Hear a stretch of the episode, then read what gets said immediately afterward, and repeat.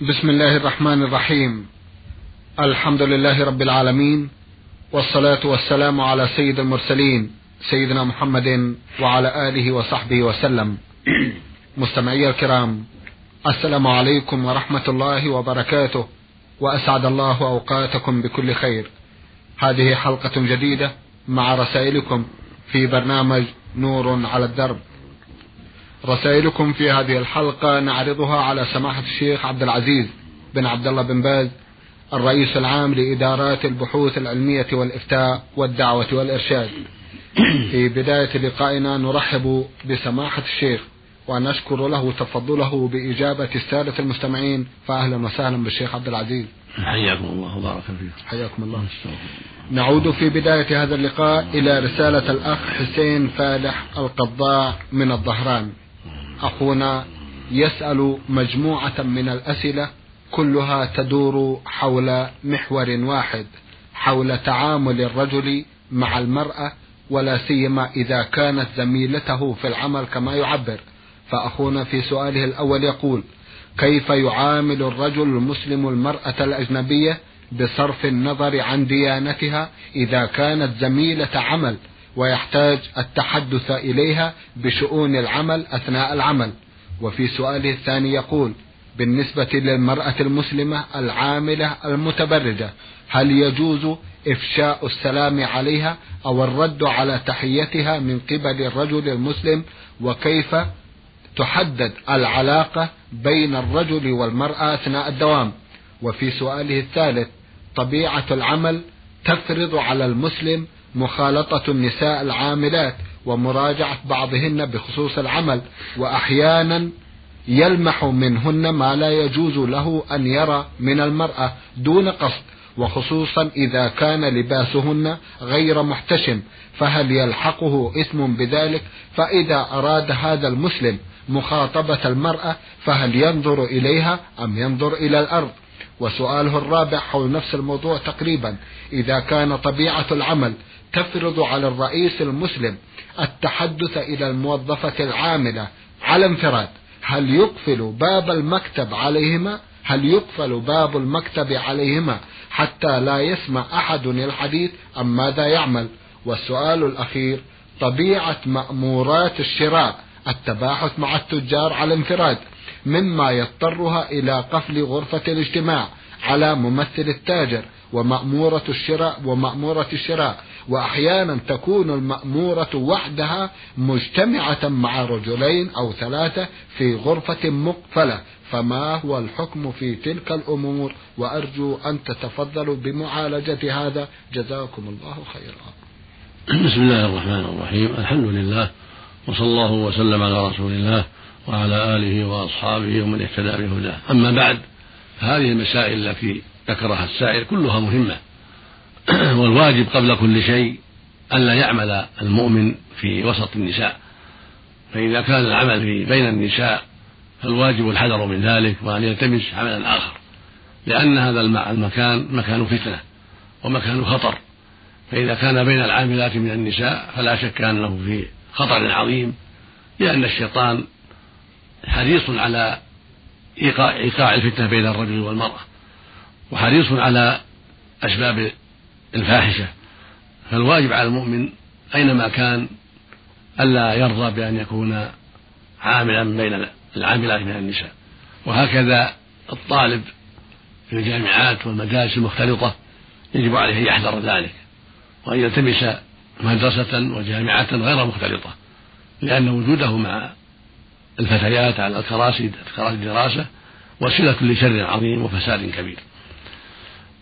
والجواب عن هذه الأسئلة التي ذكرها السائل الواجب عليه عند عند الابتلاء بهذا الأمر إلا أن يجعل الله فرجا ومخرجا أن يغض بصره وأن يحذر من النظر إليها أو إلى محاسنها أو إلى مفاتنها بل يلقي بصره إلى الأرض ولا ينظر إليها ومتى صادف شيئا من ذلك أعرض وصرف بصره ثبت عن رسول الله عليه الصلاة والسلام أنه سئل عن نظر الفجأة فقال للسائل اصرف بصرك واللفظ الآخر فإن لك الأولى وليس لك الأخرى.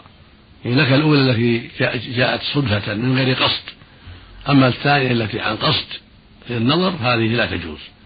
والله يقول سبحانه قل للمؤمنين يغضوا من أبصارهم ويقول سبحانه وقل للمؤمنين يغضون من أبصارهن. فعلى المؤمن أن يغض بصره؟ فإن صادف شيئا من غير قصد صرف بصره. إذا فاجأته قابلها في الباب أو قابلته في الباب فإنه يصرف بصره. ويعفو الله عن الأولى التي صادفها ولم يقصدها. كذلك إذا بلي بها في التحدث إليها في شيء يتعلق بالعمل فإنه يتحدث إليها لكن من غير أن يقابل وجهها من قبل من غير أن ينظر إلى محاسنها بل يعرض عنها أو يلقي بصره إلى الأرض ويتكلم حتى يقضي حاجته وينصرف. وهذا من الأمور الواجبة التي تجب على المؤمن العناية بها. وكذلك إذا ذهبت إلى الشراء والبيع ليس لها أن تخلو بالرجل ولا مع الرئيس ولا مع المدير ليس له أن يخلو بها سواء كان مديرا أو رئيسا أو وزيرا أو صاحب دكان ليس له خلوة بها لأن هذا خطر عظيم. وصح عن رسول الله عليه الصلاة والسلام قال لا يخلو لا يخلو برجل امرأة إلا ومع أهل محرم. وقال صلى الله عليه وسلم ما خلا رجل امرأة إلا كان الشيطان ثالثهما أو كما قال واللفظ لا يخلو أن رجل امرأة فإن الشيطان ثالثهما فالمقصود أن الخلوة فيها خطر عظيم. فلا يجوز للمؤمن أن يخلو بها وليس لها أن أن تخلو به. ولو كانت في حاجات تتعلق بها أو بوظيفتها. فإذا كان ولا بد فلتكن فليكن الباب مفتوحا باب المكتب مفتوحا. إذا لم يتيسر من يشارك في في المجلس فليكن الباب مفتوحا لا مغلقا. حتى يراه يراه من يمر. وإذا أمكن إيجاد ثالث يحضر معهم. ولو بعيدا لا يسمع الكلام لكنه في المجلس ينظر. هذا هو الواجب حتى لا تقع الخلوة المحرمة. فيستدعي من يكون من يكون ثالثا ويبتعد عنهم حتى لا يسمع الكلام الذي يتعلق بالعمل وهو سر حتى لا تكون هناك فرصة للشيطان. نسأل الله للجميع العافية والهداية ولا حول ولا قوة إلا بالله. نعم. جزاكم الله خيرا. إنما من حيث المبدأ يعتبر أو تعتبر كل هذه الصور التي ذكرها أخونا تعتبر محرمة. نعم ما يجوز. من حيث المبدأ. المبدأ لا يجوز. أن يكون في في مكتب أو مدرسة أو جامعة مختلطة. نسأل الله السلامة. نعم. الرسالة التالية بعث بها أحد الإخوة المستمعين يقول كثيرا ما أسمع أن عدم نزول القطر من السماء متعلق بالعبادة. فإذا كان كذلك فهل الذي في الهند وغيرهم الذين يأتيهم السيل باستمرار يعبدون الله أكثر مما نحن نعبده أو أن المسألة دوران فلك؟ أرجو توضيح ذلك لو تكرمتم والواقع يدور هذا سماحة الشيخ على ألسنة كثيرا من الناس. علينا على المؤمن وعلى كل مسلم أن يعلم أن الله سبحانه خلق الخلق وتكفل بأرزاقهم سواء كانوا كفارا أو مسلمين. قال عز وجل وما من دابة في الأرض إلا على الله رزقها. قال سبحانه وما خلقت الجن والإنس إلا ليعبدون. ما أريد منهم من رزق وما أريد أن يطعمون. إن الله هو الرزاق ذو القوة المتين. قال سبحانه وكأي من دابة لا تحمل رزقها الله يرزقها وإياكم. هو سبحانه خلق الخلق من جن وإنس وكفار ومسلمين وتكفل بأرزاقهم. هو ينزل الأمطار ويجري الأنهار في البلاد الإسلامية وغيرها ويرزق هؤلاء وهؤلاء. لكنه سبحانه يؤدب عباده المسلمين إذا فعلوا ما يخالف شرعه وعصوا أمره قد يؤدبهم قد يعاقبهم لينتبهوا وليحذروا أسباب غضبه. فيمنع القطر كما منع منع في عهد النبي صلى الله عليه وسلم وهو أصلح الناس. عهد النبي أصلح الناس أصلح العهود. والنبي أصلح الناس. وصحابته أصلح العباد. ومع هذا ابتلوا بالقحط والجد. حتى طلب المسلمون من الرسول أن يستغيث. وقالوا يا رسول هلكت الأموال وانقطعت السبل فادعوا الله يغيثنا. فاستغاث فرفع يديه. وقال اللهم أغثنا اللهم أغثنا اللهم أغثنا. فأنزل الله المطر. وهو على المنبر عليه الصلاة والسلام. أنشأ الله سحابة وهو على المنبر. ثم اتسعت فأمطرت. فخرج الناس تهمهم نفوسهم من شدة المطر. فلم يزل المطر حتى جاءت الجمعة الأخرى. فجاءوا إليه وقال هلكت الأموال. وانقطعت السبل فادعوا الله يمسكها عنا. فضحك عليه الصلاة والسلام من ضعف بني آدم. الجمعة الأولى يطلب الغيث وفي الجمعة الأخرى يطلبون الإمساك. فرفع يديه وقال اللهم حوالينا ولا علينا. اللهم على الآكام واضطراب وطول الأودية ومنابت الشجر. قال أنس فتمزق السحاب في الحال وصارت المدينة في مثل جوبة تمطر ها هنا وها هنا. المقصود أنه صلى الله عليه وسلم استغاث وأصيب بالجدب في زمانه وأصاب أصحابه الجدب وهم خير الناس. تأديبا وتنبيها. حتى ينتبه الناس وحتى يضرعوا إلى ربهم ويسألهم فضل سبحانه وتعالى. لأن تأديبهم في خير لهم. ينتبهون ويعبدون بالدعاء ويضرعون إليه ويعلمون أنه الرزاق فهكذا البلاد الإسلامية. وإن كانت بلادهم أصلح من بلاد الكفار وهم خير من الكفار وهم أعبد الناس لربهم سبحانه وتعالى لكن يبتليهم بالسراء والضراء. بالسراء حتى يشكروا وبالضراء حتى ينتبهوا ويصبروا وحتى يجازيهم بالأجر العظيم على صبرهم وبالأجر العظيم على شكرهم. فإذا لم ينتبهوا أصيبوا بالجد والقحط أو بتسليط الأعداء أو بغير هذا حتى ينتبهوا حتى يرجعوا إلى الله حتى يتوبوا إليه كما قال سبحانه وما أصابكم من مصيبة فبما كسبت أيديكم ويعفو عن كثير. وقال في قصة أحد لما أصابهم ما أصابهم من الهزيمة قال أولما أصابتم مصيبة؟ قد أصبتم مثليها يعني يوم بدر يعني, يعني يوم بدر. قلتم أن هذا قل من عند أنفسكم. فإن المسلمين في بدر نصروا على الكفار وهزم الله الكفار وأسروا منهم سبعين وقتلوا سبعين من الكفار وصارت الدائرة على الكفار والنصر للمسلمين. وفي يوم أحد جرى على المسلمين مصائب بأسباب أنفسهم. لأن الرسول صلى الله عليه وسلم أمر الرماة أن يلزموا الثغر الذي خلف المسلمين وكانوا خمسين أمر عليهم عبد الله بن الزبير وقال لهم لا تبرحوا مكانكم ولو رأيتمونا تخطفنا الطير. سواء نصرنا أو أو لم نصر لا تبرحوا مكانكم. فلما نصر الله المسلمين وانهزم الكفار ظن الرماة أنها الفيصلة وأن الأمر انتهى وأن ما بقي إلا جمع الغنائم. فانصرفوا من مكانهم. فأمرهم أميرهم أن يبقوا وذكرهم بقول الرسول صلى الله عليه وسلم فامتنعوا عليه وقالوا إن الأمر انتهى والكفار انهزموا. فلما فعلوا ذلك جاءت الخير خير الكفار من خلف المسلمين ودخلوا مع هذا الثغر الذي أهملوه أهملوه وصارت المصيبة على المسلمين بأسبابهم. فالمقصود أن المسلمين قد يبتلون بأمور فيها تذكر لهم وفيها مصالح لهم وربك أحكم وأعلم سبحانه وتعالى. لينتبهوا وليعلموا أن النصر بيد الله وأن كونهم عبدوا الله وكونهم فيهم رسول الله لا يكفي بل لابد من العمل بطاعة الله لابد من القيام بأمر الله لابد الصبر على جهاد أعداء الله ولهذا نبههم بقوله سبحانه أولما أصابكم مصيبة قد أصبتم مثليها؟ قلتم أن هذا قل هو من عند أنفسكم فإذا كان الرسول وأصحابه تصيبهم عقوبات الذنوب ويبتلون كما يبتلى غيرهم فكيف بغيرهم؟ أما أولئك الكفرة فقد فرغ منهم قد أطاعوا الشيطان وتابعوا الشيطان في الهند وفي غير الهند وفي أمريكا وفي أنجلترا وفي كل مكان فإذا أجرى الله عليهم النعم وأدر عليهم الأرزاق وجاءتهم الأمطار فهو استدراج لهم والعاقبة وخيمة. كما قال عز وجل فلما نسوا ما ذكروا فتحنا عليهم أبواب كل شيء. حتى إذا فرحوا بما أوتوا أخذناهم بغتة. فتنزل بهم عقوبات كما نزلت بهم في الحروب الحرب العظمى الأولى والثانية نزلت فيها عقوبات بأسباب الكفر والذنوب. فالله سبحانه وتعالى يملي ولكن لا يغفر سبحانه وتعالى. وما الله بغافل عما تعملون. ويقول سبحانه وأملي لهم إن كيدي متين. فقد يملي الله للكفرة ويتابع عليهم النعم من الأمطار وجري الأنهار وحصول الثمار ثم يأخذهم إذا شاء أخذ عز مقتدر سبحانه وتعالى. ثم هم بعد ذلك مستدرجون. فكلما زادت النعم واستمر الأمن عليهم وهم في معاصي الله وكفر به صار عذاب يوم القيامة أكبر وصار أشد عليهم يوم القيامة مما لو أخذوا في الدنيا ببعض الشيء. فينبغي للعاقل أن لا يغتر بهذه الأمور وينبغي المسلم أن ينتبه لهذه الأمور وأن المسلمين قد يبتلون ثم تكون لهم العاقبة الحميدة ثم بلواهم تنفعهم.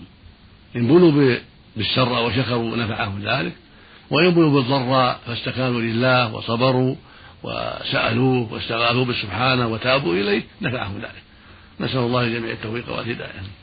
اللهم آمين. اذا قضية الفلك التي يذكرها أخونا لا علاقة لها لا. بهذا الموضوع. هذه أظنها عادة. لا ليست عادة. بل لله فيها الحكم سبحانه وتعالى. بارك الله فيكم. أخونا أيضا يسأل سؤال يتعلق بالعقيدة في الواقع سماحة الشيخ يقول إنني مؤمن بالله وأصدق بما جاء في الكتاب العزيز ولكن الذي يثير الشك عندي هو إحياء الميت في القبر. سؤالي هل هي نفس حياته الأولى؟ وكم حاسة ترجع إليه؟ وإلى متى تبقى حياته في القبر؟ وإذا كان الميت تسأل جثته فما مصير الذين يحرقون أو يحرقون مثل الهند وألبانيا وغيرهم؟ وأين يتم سؤالهم؟ إن الطبيب يا سماحة الشيخ عندما يجري العملية يبعد حواس الإنسان عنه بمخدر. أما هذا الموت فإنني لا زلت أتساءل وأبدي لكم أنني غير ساخر لكنني في حيرة وأرجو الإيضاح عبر هذا البرنامج المفيد. جزاكم الله خيرا. أولا ينبغي أن يعلم أن الواجب على كل مؤمن وعلى كل مؤمنة التصديق بما أخبر الله به في كتابه أو على لسان رسوله محمد صلى الله عليه وسلم من جميع الأمور فيما يتعلق بالآخرة والحساب والجزاء والجنة والنار وفيما يتعلق بالموت والقبر وعذابه ونعيمه على المؤمن أن يصدق بما أخبر الله به ورسوله. فما جاء في القرآن العظيم أو صحت به السنة فعلينا الإيمان والتسليم والتصديق لأننا نعلم أن ربنا هو الصادق في قوله. قال سبحانه وما أصدق من الله قيلا ومن أصدق من الله حديثا. ونعلم أن الرسول صلى الله عليه وسلم أصدق الناس وأنه لا ينطق عن الهوى إن هو إلا وحي يوحى. فما ثبت عنه في الأحاديث الصحيحة وجب التصديق به. وإن لم نعرف كنها وإن لم نعرف حقيقته نصدق بما أخبر به من أمر الآخرة. أمر الجنة أمر النار عذاب أهل النار نعيم أهل الجنة. كون العبد في القبر يعذب أو ينعم ترد إليه الروح ويسأل كل هذا حق. جاءت به النصوص. والأحاديث الصحيحة. فعلى العبد أن يسلم أو يصدق بكل ما علمه من القرآن العظيم أو صحت به السنة عن رسول الله صلى الله عليه وسلم أو أجمع عليه علماء الإسلام. ثم إذا من الله على المؤمن أو المؤمنة بالعلم بالحكم والأسرار فهذا خير إلى خير ونور إلى نور وعلم إلى علم فليحمد الله. وليشكره على ما أعطاه من البصيرة في الحكم والأسرار التي من الله عليه بها حتى زاد علمه وحتى زادت طمأنينته. أما ما يتعلق بسؤال الأخ عن حال القبر وعن حال الميت فإن السؤال حق. فإن الميت ترد إليه روحه. إذا مات تصحت به الأخبار عن رسول الله صلى الله عليه وسلم ترد إليه روحه. فيسأل في قبره على كيفية الله أعلم بها. حياة غير حياته الدنيوية حياة خاصة برزخية ليست من جنس حياته في الدنيا التي يحتاج فيها إلى الطعام والشراب ونحو ذلك لا بل حياة خاصة يعقل معها السؤال والجواب.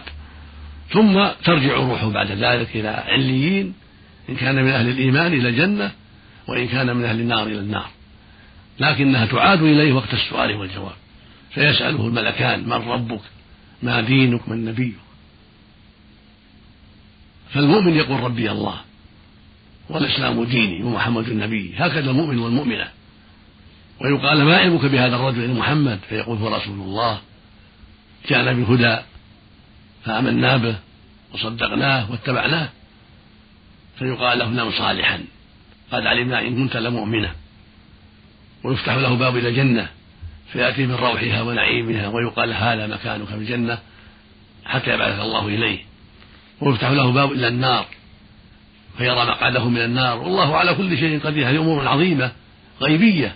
فيرى مقعده ويقال له هذا مكانك لو كفرت بالله. أما الآن فقد عافاك الله منه وصلت إلى الجنة. وهكذا يقال للكافر. إذا سئل قال الكافر ها ها لا أدري. سمعت الناس يقول شيء قلته. فيضرب بمرزبة يعني مطرقة من حديد فيصيح صيحة يسمعها كل شيء. يسمعها كل شيء إلا الثقلين إلا الإنس والجن يسمعها البهائم. فيقال لقد علمنا أنك غير أنك غير مؤمن وعلى هذا عشت وعليه مت فيفتح له باب إلى النار ويضيق عليه قبره حتى تختلف أضلاعه ويكون قبره عليه حفرة من حفر النار نعوذ بالله. ويفتح له باب إلى النار يأتيه من سمومها وعذابها ويقال, ويقال هذا مكانك حتى يبعثك الله إليه. ويفتح له باب إلى الجنة فيرى مقعده من الجنة لو هداه الله ولكن الله صرف صرفه عنه لما كفر بالله وربك أحكم وأعلم سبحانه وتعالى. فالقبر إما روضة من رياض الجنة وإما حفره من حفر النار. والعذاب والنعيم للروح والجسد جميعا في القبر. للروح والجسد. وهكذا في الآخرة في الجنة للروح والجسد. في النار للروح والجسد. أما من مات بالغرق مات بالحرق مات بأكل السباع فإن روحه يأتيها نصيبها من العذاب والنعيم. ويأتي جسده من ذلك في البحر أو في الحرق أو في بطون السباع أو يأتي نصيبه من ذلك على الوجه الذي يعلمه الله سبحانه وتعالى. لكن المعظم والمهم على الروح التي تبقى. فهي إما منعمة وإما معذبة. فإما أكله السباع ذهبت روحه إلى مكانها من خير وشر وأكل من أحرقته النار أو سقط في البحار وأكلته حوت حيتان البحر أو غير ذلك الأرواح تذهب إلى مكانها. المؤمن تذهب روحه إلى الجنة. قال النبي صلى الله عليه وسلم إن روح المؤمن طائر يعلق في شجر الجنة يأكل من ثمارها. والكافر تذهب روحه إلى النار وإلى ما شاء الله من عذاب الله وإن ذهب جسده في الحرق أو في السباع أو في غير ذلك. فينبغي لك أيها السائل وأيها المؤمن وأيها المؤمن أن تطمئن إلى ما أخبر الله به ورسوله وأن كون الإنسان يحرق أو تأكله السباع أو يذهب في البحار أو غير ذلك كل هذا لا يمنع من العذاب والنعيم فالنعيم والعذاب يصل إليه كما يشاء الله سبحانه وتعالى. ومعظمه في القبر على الروح نعيما أو شرا وإلى الجسد نصيبه من ذلك. وعند بعثه ونشوره يجمع الله له ما وعده به من خير وشر لروحه وجسده. فالروح والجسد يوم القيامة منعمان أو معذبان جميعا إما في النار وهم الكفار وإما في الجنة وهم أهل الإيمان. أما العصاة فلهم نصيبهم. العصاة لهم نصيبهم بين الجنة. بين هؤلاء وهؤلاء. إن عفى الله عنهم والحقوا بأهل الإيمان وصاروا إلى الجنة والكرامة وسلموا من عذاب القبر ومن عذاب النار وإن لم يعفى عنهم بسبب معاصيهم من الزنا أو شرب الخمر أو العقوق الوالدين أو قطيعة الرحم أو أكل الربا أو غير هذا إذا لم يعفى عنهم لا لهم نصيبهم من العذاب في القبر على قدرهم لكنهم دون الكفار أقل من الكفار. ويوم القيامة يدخلهم الله النار. ويعذبون على قدر معاصيهم إن لم يعفى عنهم إن لم يعفو الله عنهم فإذا طهروا في النار وخلصوا من خبث معاصيهم أخرجهم الله أخرجهم الله من النار إلى الجنة بفضل رحمته سبحانه وتعالى. وقد يخرجون بشفاعة الشفعاء كشفاعة النبي صلى الله عليه وسلم وشفاعة الملائكة والأنبياء والمؤمنين والأفراط. ويبقى في النار من العصاة من شاء الله. فيخرجهم الله برحمته سبحانه من غير شفاعة أحد. بل بمجرد فضله ورحمته جل وعلا لأنهم ماتوا على التوحيد. فيخرجهم الله من النار بعدما يجازون إذا لم يعفى عنه قبل ذلك. ولا يبقى في النار إلا الكفرة مخلدون فيها أبد الآباد يبقى الكفار مخلدين في النار أبد الآباد أما العصاة الذين ماتوا على معاصي لم يتوبوا فهم تحت مشيئة الله سبحانه وتعالى. إن شاء عفى عنهم بأعمالهم الطيبة وتوحيدهم وإن شاء عاقبهم وعذبهم في القبر وفي النار على قدر معاصيهم. ولكنهم لا يخلدون خلودا دائما أبدا لا. بل يقيمون في النار إذا دخلوها مددا متفاوتة على حسب أعمالهم السيئة. فإذا انتهت عقوبتهم أخرجهم الله من النار إلى الجنة. هذا قول أهل السنة والجماعة قاطبة خلافا للخوارج والمعتزلة. فإن الخوارج والمعتزلة يقولون العصاة إذا دخلوا النار لا يخرجون أبدا كالكفار. وهذا قول باطل. والذي عليه أهل السنة والجماعة هم أصحاب النبي صلى الله عليه وسلم وأتباعهم بإحسان أن العصاة إذا لم يعفى عنهم ودخلوا النار لا يخلدون بل يعذبون عذابا متفاوتا على قدر معاصيهم مددا يشاءها الله سبحانه وتعالى ويعلمها فإذا انتهت المدة التي قدرها الله لهم أخرجوا من النار. وصاروا إلى نهر يقال نهر الحياة فينبتون فيه كما تنبت الحبة في حمل السيل. فإذا تم خلقهم أذن لهم في دخول الجنة فضلا من الله سبحانه وتعالى. نسأل الله للجميع التوفيق والهداية والعلم النافع. نعم. جزاكم الله خيرا. إذا علينا أن نصدق بما جاء في القرآن الكريم وبما جاءت به السنة الكريمة فيما يخص نعيم القبر وفيما يخص عذابه وعلينا أن نبتعد عن الشكوك والأوهام فيما يخطر ببال الإنسان حول نعم نعم نعم. كل ما عرض الإنسان من شكوك أو أوهام يعرضها على القرآن والسنة. حتى تزيل ذلك. فما في الكتاب والسنة هو المعين الصافي. هو الذي يزيل الشكوك والأوهام ويجعل المؤمن في راحة وطمأنينة مرتاحا لما قاله الله ورسوله وإن كان لا يفهم ذلك أو لم يعرف الحكمة في ذلك فالله أحكم وأعلم. إن ربك حكيم عليم. لا يعذب إلا الحكمة ولا ينعم إلا الحكمة ولا يعطي إلا الحكمة ولا يمنع إلا الحكمة. هو الحكيم سبحانه وتعالى. هو الحكيم العليم بكل شيء سبحانه وتعالى. بارك الله فيكم. سماحة الشيخ لعل ما توصل إليه العلم الحديث في الوقت الحاضر يقرب لبعض الإخوان حقيقة تلك المسائل ولا سيما فيما يتعلق قد نعم. نستعمل في بعض الشيء نعم. نعم فيما يتعلق بالتصوير فيما يتعلق بالتسجيل فيما يتعلق بتلك الأمور. كل هذه الأشياء التي حدثت فيها عبرة. نعم. بعض الناس كانوا يتساءلون ويقولون كيف ينادي أصحاب الجنة أصحاب النار؟ وأصحاب الجنة في أعلى عليين والنار في أسفل سافلين بينهم التباعد العظيم. فأراهم الله هذه العجائب. الآن هذا المذياع اللي من أقصى الدنيا إلى أقصى الدنيا. يسمعون من الأخبار ويريهم الله العبرة. هذا المذياع وهذا الآن اللي يسمعه الناس من بعيد وهذا الهاتف التليفون يتخاطبون به من بعد إلى بعد. هذه هذه آية وعبرة تدلهم على صحة ما أخبرت به الرسل من كون أهل الجنة ينادون أهل النار. ويسمعون عواءهم وشرهم إذا أرادوا ذلك. كل هذا من آيات الله. نعم. بارك الله فيكم. تسجيل خطوات الإنسان وتسجيل صوته سماحة الشيخ لعل لهذا أيضا آه، تأثير على حفظ الأعمال وإتقانها وأن كل شيء مقيد ومقيد كذا رؤية في التلفاز وغيره. نعم. أهل النار يرون أهل الجنة يرون أهل النار. فاطلع فرآه سواء الجحيم. ومع البعد العظيم. الله قدر أن يرى أهل النار. هذه من آيات الله. كما الآن يرى الإنسان يتكلم في محل بعيد تنقله الأقمار الصناعية ويراه الآن في مكان آخر. نعم. بارك الله سبحان الله ما أعظم هذه آيات من آيات الله. سنريهم آياتنا في الآفاق وفي أنفسهم حتى يتبين أنه الحق. فهو على كل شيء سبحانه وتعالى وبكل شيء عليم. يري عباده العبر ويوضح لهم الآيات لعلهم يعقلون لعلهم يفهمون لإقامة الحجة وقطع المعذرة. كأني بسماحة الشيخ يدعو إلى تأمل مثل هذه الأشياء وهي تقرب آه تلك الصور. لا شك أنها تقرب وتعين على فهم الكتاب والسنة. تعين على فهم الكتاب والسنة فيما أشكل من هذه الأمور. نعم. بارك الله فيكم رسالة وصلت إلينا من أحد الإخوة المستمعين يقول إن والده كان يذبح لغير الله فيما قيل له عن ذلك.